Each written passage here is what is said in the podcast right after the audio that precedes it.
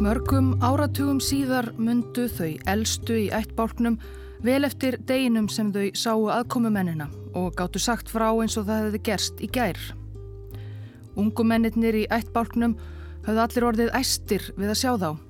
Þeir voru jú þekktir fyrir stríðsfístin sína og þarna var auðveld bráð, fjórir náfölir menni í undarlegum búningum sem stöyluðust áfram.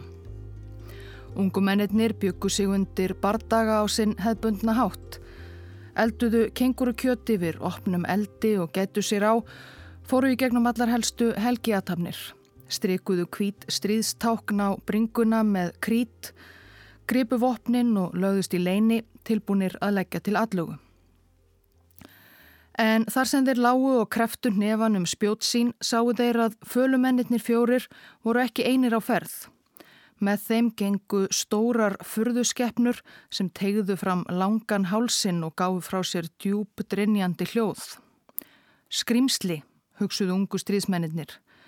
Þeir ákváðu að hörfa upp í kletta og fyldust með þessu föruneyti drauga og skrimsla fara hjá úr örugri fjarlægð.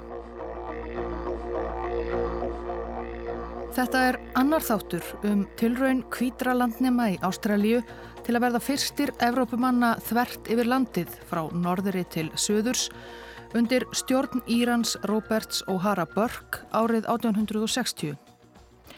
Á þessum tíma hafðu nokkrar breskar nýlendur litið dagsins ljós í sunnanverðri Ástralíu en engin kvítur maður hafði enn ferðast þvert yfir landið til norðurs og þó búið væri að kortleggja ástrálsku strandlingjuna var enn stór kvít eiða í miðju álfunar á landakortum. Börk var gerður út af vísindafélagi einnar nýlendunar, Viktorju, með það markmiði að komast að því hvað eigðan á kortinu hefði að geima, riðja leiðað strönd Ástralíu í norðri og kanna hvort álitlegt væri að leggja ritsímavýr þvert yfir meginlandið. Þar sem við skildum við leiðangur Börks og félaga í lók síðasta þáttar var hann nýkominn til eigðimerkur bæjarins Menindí um 750 kílometra frá Melbourne, höfuborg Viktoríu. Ferðin þangað hafði tekið næri tvo mánuði, miklu lengur en ætlað var, ekki síst vegna þess að fáir í förinni hafðu mikla reynslu að ferðum í krefjandi landslægi upplands Ástralíu Leiðangursmenn burðuðust með allt og mikinn og þungan farangur og fararstjórin Börk var í stöðugum erjum og karpi við alla undirmenn sína, sífælt að reka þá sem honum sinnaðist við og ráða nýja og nýja og reynslulösa menn. Í menindi hafði endanlega soðið upp úr þegar Börk reyndi að espa næstraðanda sinn George Landells í einvíi. Ekki varð af því en Landells sagði skilið við leiðangurinn. Helsta ábyrðastarf hans hafi verið að sjá um úlvalda þá sem fluttir höfðu verið inn frá Indlandi til að bera föggur leðangursmanna. En í mennin dí sumsé hjælt Landels heim á leið og börk og þeir sem eftir voru sátu uppi með framandi skeppnurnar.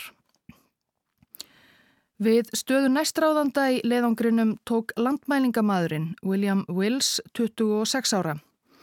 Það var raunar hinn ágætasti ráðahagur þar sem Vils var svo gott sem sá eini í föruneytinu sem eitthvað kunnið að rata og ekki var einn styrt á milli Vils og Burks eins og flestra leðangusmanna.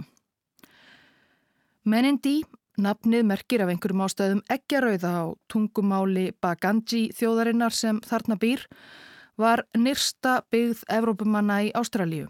Landnemar frá bresku nýlendunum í söðri höfðu leitað svo langt inn í land í leitað beitarlandi en fundið lítið annað en skrauf þurra rauða eðimörk. Eina ástæða þess að þarna þreifst þó lítil byggð var Darling áin, ein lengsta áin í Ástraljú sem rennur um nýja Suður Wales. Náttúrufræðingurinn í leiðangrinum Herman Beckler lísti óvægnu landslæginu. Ef maður myndi sína þetta landslag sérfræðingi sem nýkomin væri frá Evrópu og fullir að þetta væri gott beitiland myndi sá hinn sami hlæja upp í opið geðið á manni. Að mestu er þetta ömurleg sveit, undarlega daburleg. Gras sámaður valla. Lávaksinn og mögur tré gerðu landslægið bara enn fátagleira og helmingun af þeim var döður. Ferðin til Menindi hafi verið laung og ströng en leiðangursmönnum var ekki til setunar bóðið. Leiðin þangað hafði ju tekið miklu lengri tíma en áætlað var næri tvo mánuði og það var ennþá óra laung leið framundan að strönd Karpentarju flóa nýrst í Ástralíu.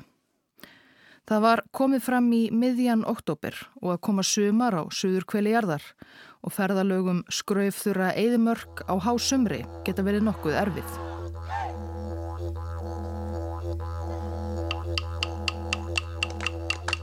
Markmið Börgs var fyrst og fremst að verða fyrstur kvítra manna til að ferðast þvert yfir Ástralíu. Vísindafélag Viktoríu hafði skipulagt leiðangurinn vissulega með ímis vísindaleg markmið að kanna óþektar slóðir en einnig bara til að auka hróður nýlendunar Viktoríu. Viktoríumenn syndu í seglum eftir að gull fannst þar nokkrum árum fyrr og vildu gertnan gera sig gildandi. En aðrar nýlendur breyta á ástrálska meginlandinu höfðu einnig metnað fyrir kortagerð og landkönnun. Yfirvöldi í nýlendunni Suður Ástralju, vestur af Viktorju, höfðu bóðið peningaverlun hverjum þeim sem er því fyrstur yfir meginlandi þvert í nafni Suður Ástralju. Og maður nokkur hafði ákveðið að reyna, ekki neitt venjulegur maður heldur. Skotin John McDougall Stewart var þá þegar með reyndustu könnuðum Ástralju og hafi farið þrjá langa leiðangra inn í landið, lengra en flestir aðrir. Í mars 1860, nokkrum mánuðum áður en Burke laði af staði sína ferð, það var í ágúst, hafði McDougall Stewart lagt upp í sinn fjörða leiðangur frá Adelaide, höfuborg Suður Ástralju og stemt í norður. Fyrsta markmið hans var að komast inn að miðju landsins, altså í Ástralíu miðja, en vitaskuld gerði McDougall Stewart sér vonir um að fara enn lengra fyrst hann væri að þessu á annað borð. McDougall Stewart ferðaðist á annan hátt en Burke. Létt með einungis tvo ferðafélaga, fáa hesta og eins lítinn farangur og hann komst upp með. Hann kunni vel á landið og fór hratt yfir og 22. april 1860 var hann, samkvæmt eigin útrekningum, komin inn að hjarta heimsálfunar.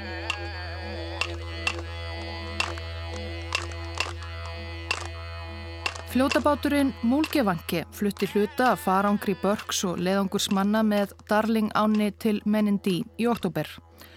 Það var kærkominn kvíld fyrir þreytta ferðalanga En Múlgevangi flutti líka til Eðimerkur bæjarins Menindi nýjustu dagblöður borgunum í söðri. Í blöðunum stóð að John McDougall Stewart væri nýkominn aftur til Adelaide eftir sex mánada ferðalag, veikburða og ítla haldinn af Skirbjú. Könnuðurinn mikli hafði verið komin um 800 kílometra frá norðurströnd meginlandsins þegar herskáir frumbyggjar réðust á hann og samferðamenn hans tvo Þeir urðu frá að hverfa og rökkluðust aftur til aðleit við Ídlan leik. Frettir af hrakfurum McDougall Stewart voru Robert O'Hara Burke kærkomin tíðindi. McDougall Stewart var jú hans helsti keppinautur. Nú var hann komin á byrjunareitt, myndi vafalaust halda aftur af stað von bráðar en Burke var með umtalsvert forskott. Hann varða að nota tækifærið og haska sér af stað.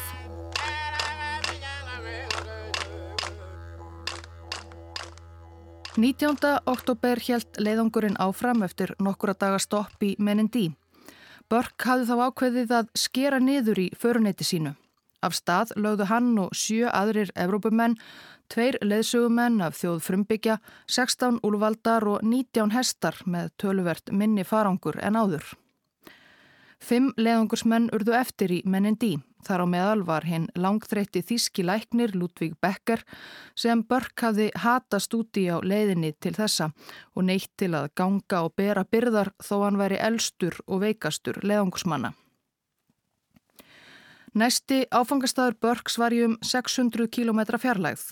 Það var Suðurbakki árinar Cooper Creek en lengra en að henni höfðu kvítir menn aldrei hætt sér inn í þurft hjarta Ástralju og enginn vissi nákvæmlega hvað handan hennar væri að finna, enginn kvítur maður allavega.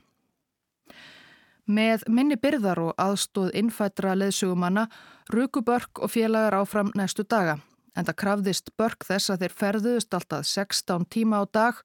Hann var orðin heldtekinn af hugmyndinu um að verða fyrstur yfir Ástralju og að sigra keppinautsinn McDúal Stewart. Einn leðungusmanna, William Brahe, skrifaði Hverskins töf fór í taugarnar á börk. Alltaf þegar hann reytist var það vegna þess. Einhver farangur hafði færst til og hestarnir töfðust. Hann reið tilbaka og spurði óþólumóður hvað var ég að. Ég útskýri það og sagði að það væri allt í lagi. Það er ekki allt í lagi, rópaði hann reyðilega. Það er allt í uppnámi og reið svo í burtu. Hamagangurinn bar árangur. 11. november 1860 eftir 23 daga ferðalag voru leiðangursmenn komnir að Suður bakka Cooper Creek ár sem sílast rauðleit og segfljótandi um 1000 km leið í miðri Ástralíu. Áinn var lífæð svæðisins og eftir margra daga göngu í gegnum þurft og tilbreytingarlaust landslag blasti nú annað við landkönnuðunum, grætn gróður og tré og yðandi fuggla og dýralíf, kengurur og vambar voru meðal dýrana sem nýttu sér vatn áreinar. Og þarna var yðandi mannlíf einnig. Á svæðinu við Cooper Creek byggu margar frumbyggja þjóðir, fólk sem eflaust rak upp stór augu þegar í heimahugum þess byrtust framandi kvítnefjar með undarlegar skeppnur í eftirdrægi. Það er þó rík hefð fyrir gesturistni í garð aðkomumanna í menningu flestra ástralskra þrumbyggja þjóða og venjan að leifa föru fólki að deila með heimamönnum landsins gæðum allavega einhverja stund, síni þau við líka kurteysi. En börkofélagar höfðu lítinn áhuga á að kynnast frumbyggjunum við Cooper Creek. William Wills skrifaði Stór hópur af svertingum kom og nauðaði í okkur að koma í þorpiðir á dansa sem við neituðum að gera. Þeir voru mjög óþægilegir og engin leið að halda þeim í burtu nema með því að hóta að skjóta þá. Þeir ræðast auðveldlega og voru þrátt fyrir að vera myndalegir greinilega ekki stríðsmenn að eðlisfari. Af því litla sem við sáum til þeirra virtust þeir illgjarnir og fyrirlitlegir á allan hátt. Kanski hefðu Börkvils og félagar frekar átt að reyna að kynnast fólkinu sem búið hafði á landinu sem þeir ferðuðust um árþúsundum saman. Kanski miða við það sem setna gerðist, en við komum að því síðar meir.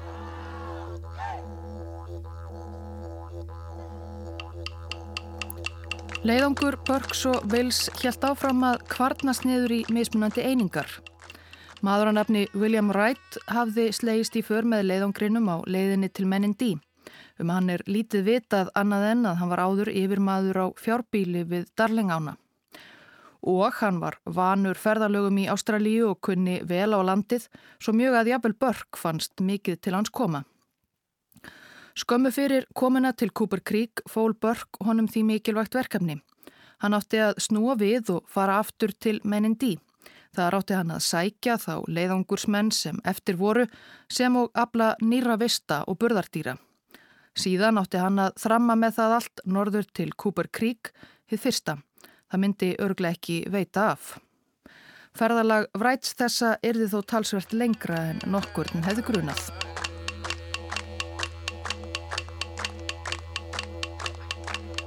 En Börk og félagar slóu upp búðum við Vassból við Cooper Creek og notuðu næstu daga til að kanna umhverfið og hvert skildi næst haldið.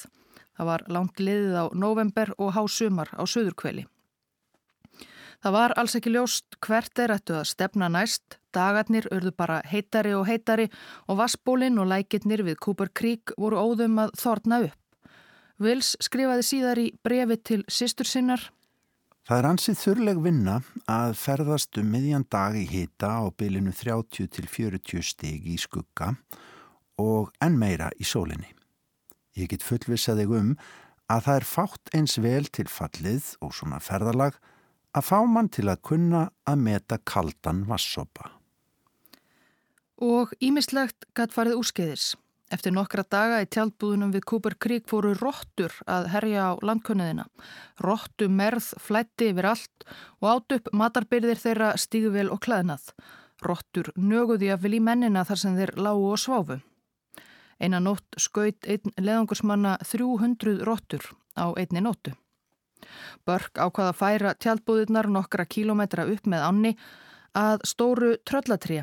Undir greinum hvers var kærkomin skuggi.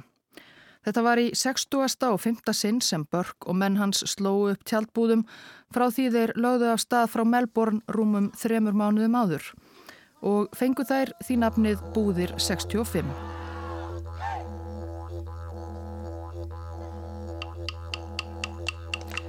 Búðir 65 undir tröllatrénu við Cooper Creek voru hinnar notalegustu svona fyrir utan þrúandi hittan og skortýrin sem herjuðu á mennina dag og nótt. Allavega engar róttur þar. Það allra skinsamlegasta í stöðunni þarna hefði verið að býða.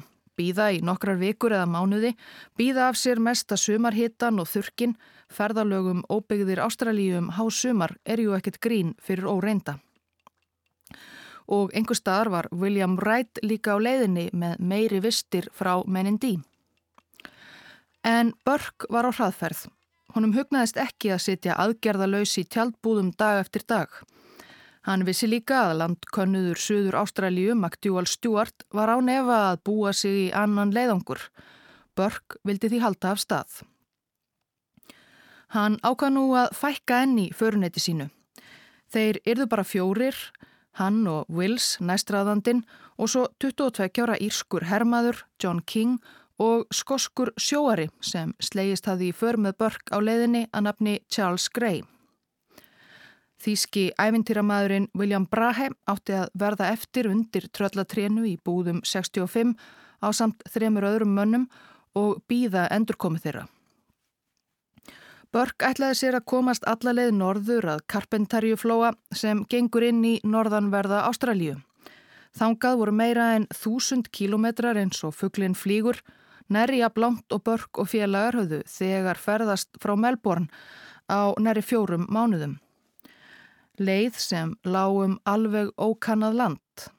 Enguða síður var börk þess nú fullvis að hann geti komist niður að sjó og aftur tilbaka á nýju tíu dögum. William Brahe fekk þau fyrirmæli að býða í 60. og 50. búðunum í þrjá mánuði. Þá hlitu þeir að vera komnir aftur, ellegar döðir. En Vils var ekki jafn vissum að ferðin myndi ganga svo vel eða svo hratt. Í einrúmi þegar Börk heyrði ekki til bað hann Brahe vinsamlegast um að býða þeirra í fjóra mánuði. 16. desember 1860 sunnudagur. Þegar búið var að skjóta tvo hesta og ganga frá skýslum heldum við af stað 40 mínútur yfir 6 í morgun. Herra Börk, ég, King og Charlie. Með 6 úlvalda, einn hest og vistir til þryggja mánada. Svona hófst dagbók William Wills í ferðinni frá Cooper Creek og norður. Vistirnar 150 kíló af kveiti, 55 kíló af þurkuðu nautakjöti, 45 kíló af þurkuðu svínakjöti, 45 kíló af frískrónum, 25 kíló af sigri, 15 kíló af keksi, 6 kíló af telöfum, 3 kíló af salti og nokkrar dósir af niðursóðinu grænmeti. Þetta var samkvæmt útreikningum Börgs nót til að seðja fjóra menn á ferðalagi í akkurat 90 daga, en ekki mátti mikið út af bregða. Fyrstu dagana gekk allt eins og í sögum. Landið handan við Cooper Creek var grænt og grösugt og ekki erfitt yfirferðar. Vils gatt vísað veginn og þeir fóru nokkuð hratt yfir, 25 km á dagað jafnaði, þó dagarnir væru langir og strangir og vissulega ansi heitir. Hittinn gatt farið yfir 50 stig og þá var mikilvægt að finna trí og skugga undir sólinni. Landið var ekki eins erfitt yfirferðar og á leiðinni til Cooper Creek. Ég veit ekki hvort það er vegna þess að við byggumst við hryllingi eða ekki, en okkur fannst það bara þvert á móti fínasta gönguland. Og hvað við kemur beit, þá eru það bara grítu svæðin sem eru án gróðus og mörg beitilöndin eru nú verri en þetta. Þetta land sem var framandi ferðalöngunum mögulega voru þeir fyrstu kvítumennir sem ferðuðust um þessar slóðir, var þó alls ekki mannlaust. Evróskir landnemar í Ástralíu höfðu löngum haldið því fram án nokkura sannana að upplönd Ástralíu væru bókstaflega óbyggðir Terra Nullius eins og þeir kölluðu það upp á latínu einskismannsland þar sem engin byggi. Slíkt var fjari sanni eins og MacDowell Stewart aði komist að á ferðum sínum og Burke, Wills og félagar gerðu nú. Landið var krökt af lífi. Þarna byggu ótal þjóðir með flókna sögu og flókin félagslega kerfi. En vittneskja um slíkt hendaði kvítu landnemunum við ströndina afar ítla. Þeirra helsti draumur var að upplandið væri lítið annað en grænar gresjur, algjörlega mannlausar, þar sem hægt væri að beita kindum og öðrum skepnum.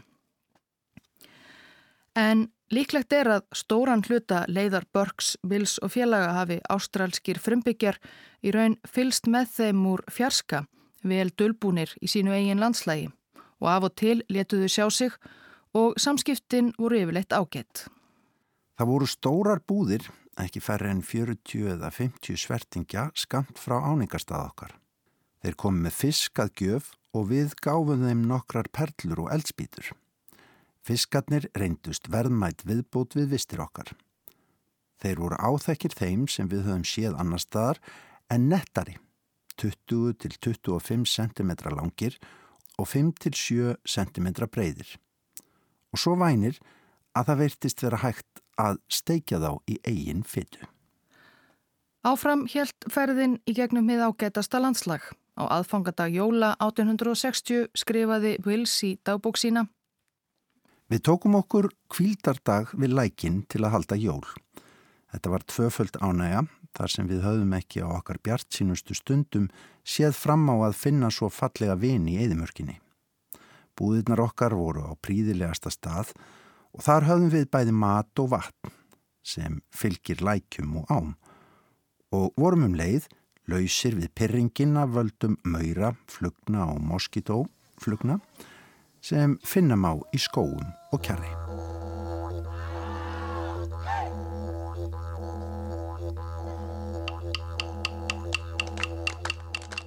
En eftir jól fór róðurinn að þingjast. Náttúran varð þurrari og litlausari og bæði menn og skeppnur þreyttust af að ganga 12-13 klukkustundir á dag, jafnvel meira.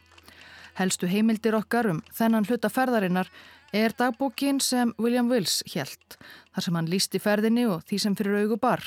Leiðungursfóringin Börg var ekki mikið fyrir að halda ítarlega dagbók.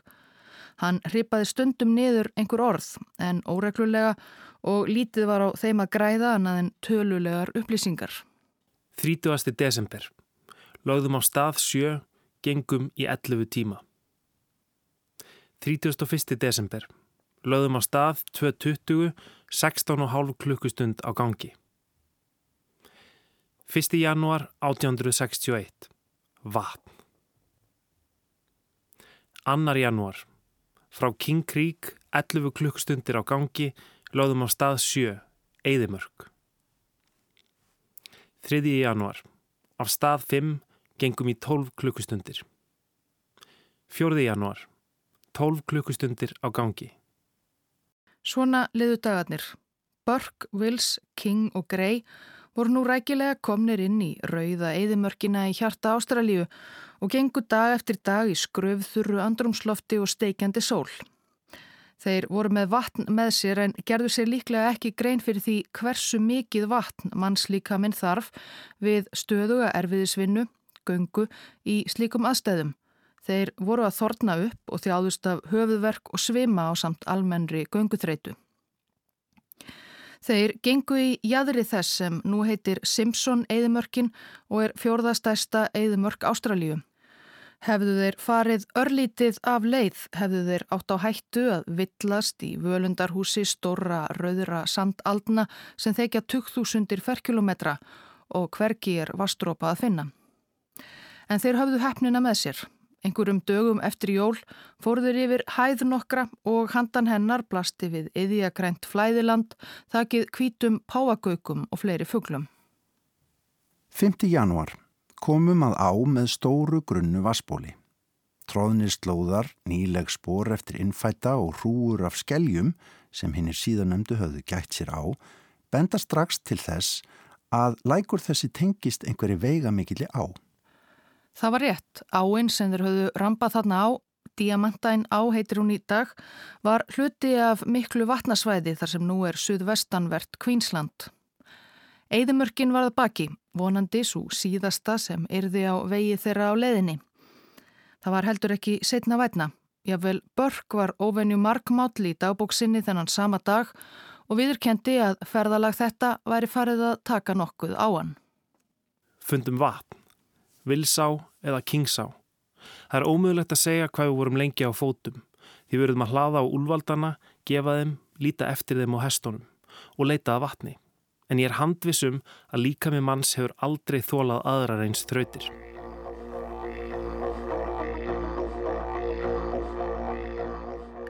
William Wright, fjárbóndin sem Burke hafði falið að ferja vistir til Cooper Creek, fór hratt yfir og var komin til mennin D 15. november 1860.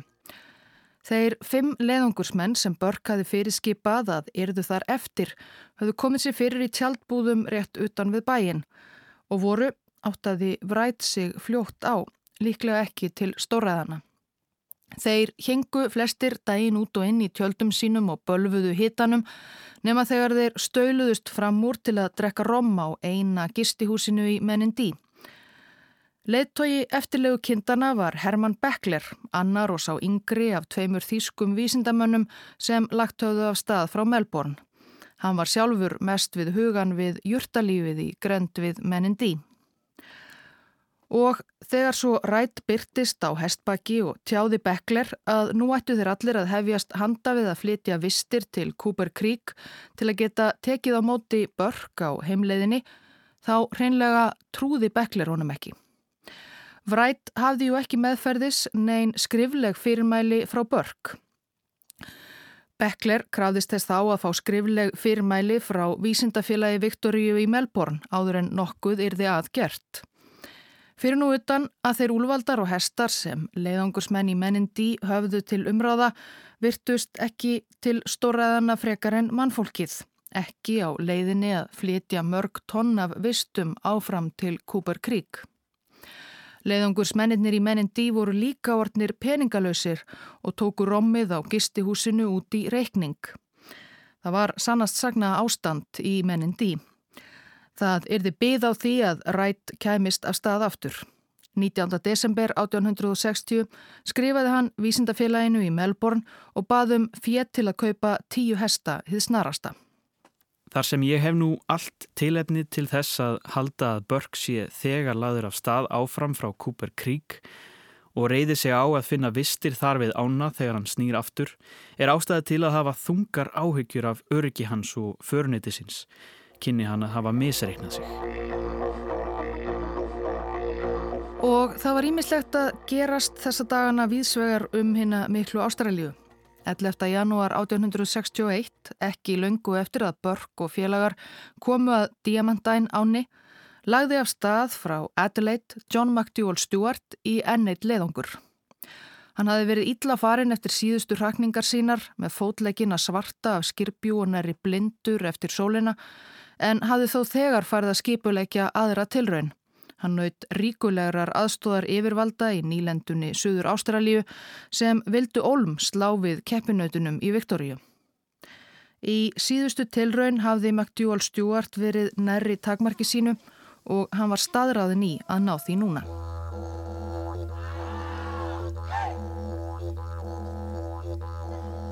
Eftir nokkura daga ánægulegt ferðalag með fram ám Queenslands fór róður ferðalangana aftur að þingjast.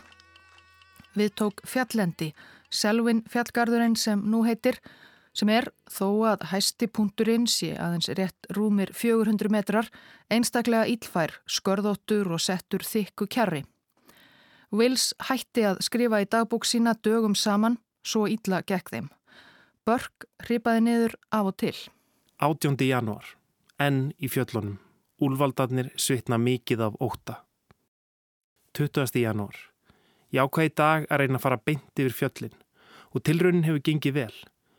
Auðmingja úlvaldarnir svitna og rimja en við leiðum þeim að baða sér í á sem virtist hafa gert þeim gott. Undanfarið samt blæði þeim til svitna og rimja. Við sáum margt sem bendir til þess að hér hafi svertingar verið en sáum enga. Það er merkilegt þegar eru svo mörg ummerki að sjá enga. Hinga til hafðu Börg, Vils og félagar aðeins rekist á nokkuð vinnveita og forvitna frumbyggja á ferðum sínum. Þeir vissu ekki af því en nú voru þeir á ferð um landsvæði, fjallgarðin, sem tilheyrði Kalkadún þjóðinni sem alls ekki var þekkt fyrir gesturisni, heldur öfluga og óbylgjarna stríðsmenn. Síðar á 19. öldunni áttu Kalkadún stríðsmenn eftir að berjast af mikilli djörfung gegn ástrúlskum nýlenduherrum en Börg, Vils og félagar voru fyrstu kvítumennir sem fóru um land þeirra. Og þeir fyldust svo sannarlega með hverju skrefi þeirra yfir fjallgarðin úr fjarska. Nokkrum áratugum síðar átti námumadur nokkur á ferðum fjöllin samræður við nokkra kalkatún öldunga. Þeir mundu vel þá atbyrði sem líst var í upphafi þessa þáttar. Þegar ungir kalkatún stríðsmenn gýruðu sig upp að fara á slátra kvítu aðkomumönnunum en hættu við á síðustu stundu þegar þeir komu auga á förðu skeppnur þeirra úlvaldana. Börk og Vils hafðu aldrei nokkra hugmyndum hversu nærri hurð skall þarna hælum.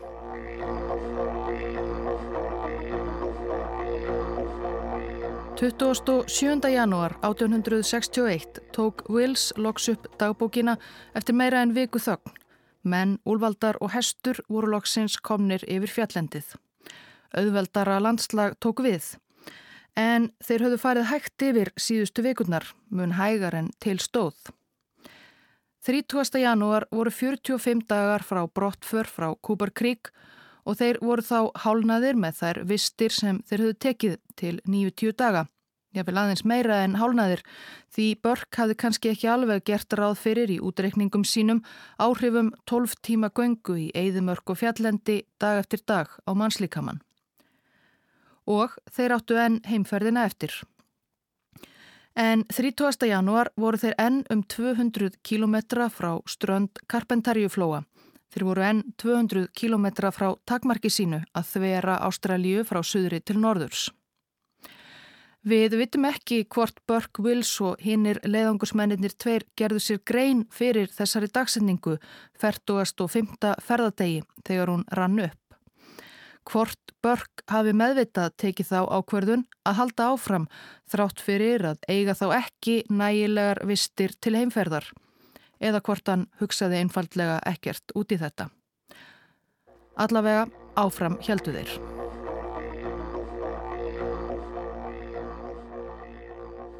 Handan fjallgarðs Kalkatún þjóðarinnar beigð hitabeltis landslag og loftslag engu auðveldara en eðimerkur hittinn bara óþægilegt á annan hátt, þrúandi þungur raki allt um kring.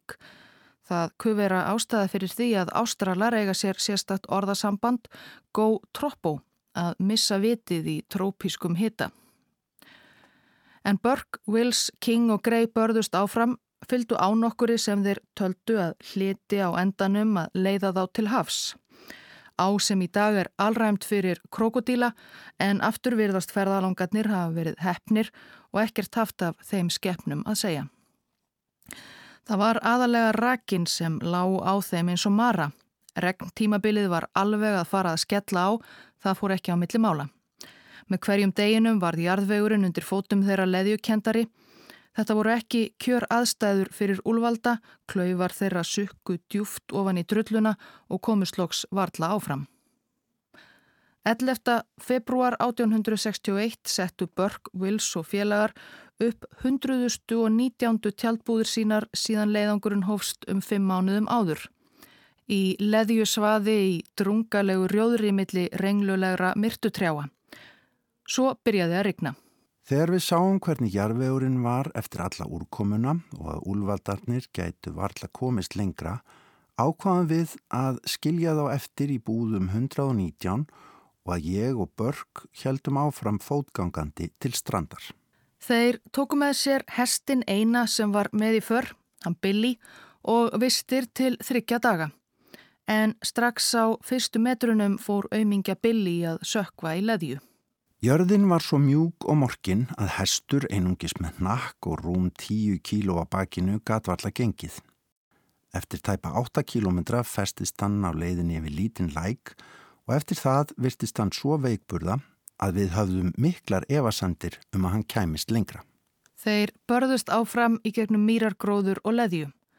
En jáfnvel á þessum óálitlega stað að þeirra mati fundu þeir slóða og rákust á fólk.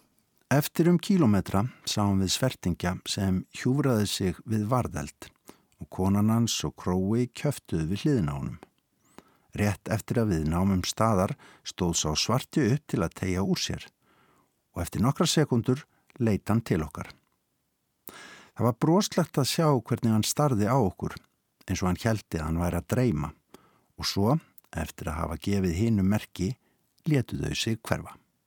Síðar þennan sama dag rákust þeir á þrjá frumbyggja sem vísuðu þeim þegjandi leiðina áfram en þá var farið að kvölda og hesturinn Billy að niðurlótum komin, svo þeir ákváðu að æja um nóttina.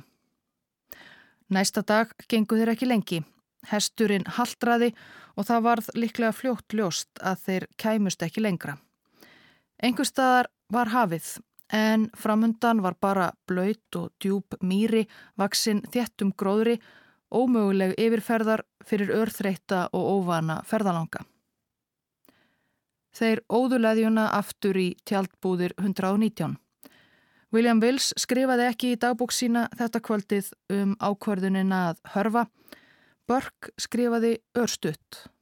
Það væri hægt að segja að við höfum náð niður á ströndu en okkur tókst ekki að eiga hafið þó við höfum gert fulla tilrönd til þess. Þegar Burke og Wills og hesturinn Billy snýru tilbaka voru þeir um 20 kilometra frá ströndu Karpentarju flóa og Arafúra hafi sem skilur að Ástralíu og Nýju kínu. 20 kilometrar eftir mörg þúsund kilometra margra mánada ferð. En leiðangurinn hafi misefnast og nú voru enn mörg þúsund kilometrar heim til Melbourne.